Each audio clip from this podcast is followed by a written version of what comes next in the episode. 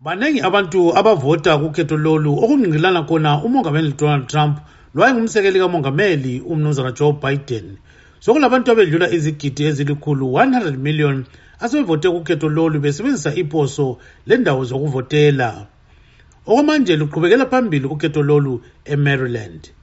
Umnumzana eric ludeke umkhokheli we-house of delegates emaryland ubephandle kwenye indawo yokuvotela emontgomery county uthi abantu bavota okumangalisayo I'm here to help out. I'm actually not up for election myself this year, but I'm here to help out other candidates, including Joe Biden and Kamala Harris. Look, I, I have never seen this much energy in an election in my lifetime. People are excited to vote. They're excited to change America. We have seen the largest early voting and mail-in voting turnout in Maryland's history so far, and that's true in states across America.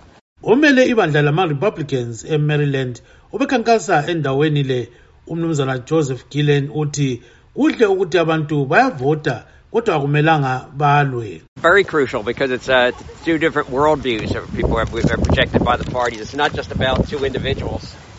You know, they'll come and go, but it's about two different worldviews on the uh, which what direction the nation should go in the world. Some people are very emotional and tensions get high. I hope I hope not. I pray that it's not and that it's minimized. We're never going to agree on everything, and every couple of years we're going to have these contests, and that's a good thing.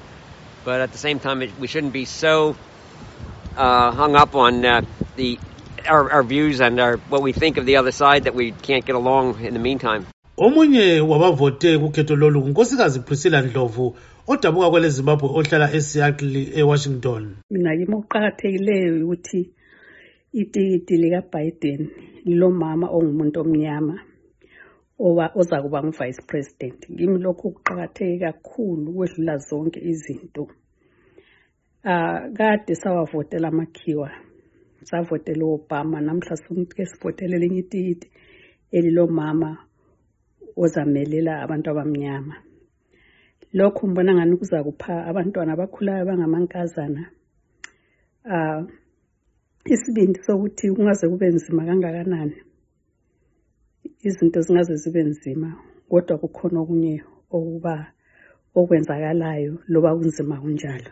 Omunye njalo odabuka ezimbabwe umnumzana mark tuma uthi kuqakathekile kakhulu ukuthi abantu bavote kukhetho lwemelika. Olufikile usuku usuku olukhulu ekade sililindile olokukhetha ukuvota.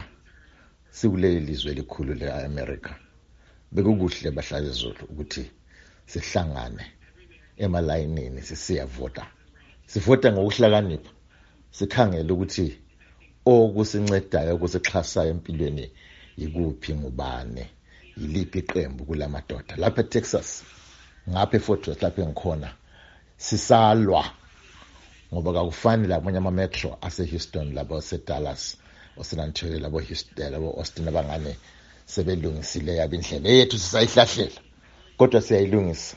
Ngakho-ke ngiyalikhuthaza madoda ukuthi please join us bomama labobaba labantwana ukuthi sihlangane kule nto singayo kulabanye abantu abathi kungaba lokudlakela sokwenziwe ukhetho lolu. Okumele anqobe kukhetho lukamongameli kumele athole lokho kuthiwa ngama-electoral votes afika 270 ngimele istudio 7 ngisemaryland ngingukipstube ngingukip stube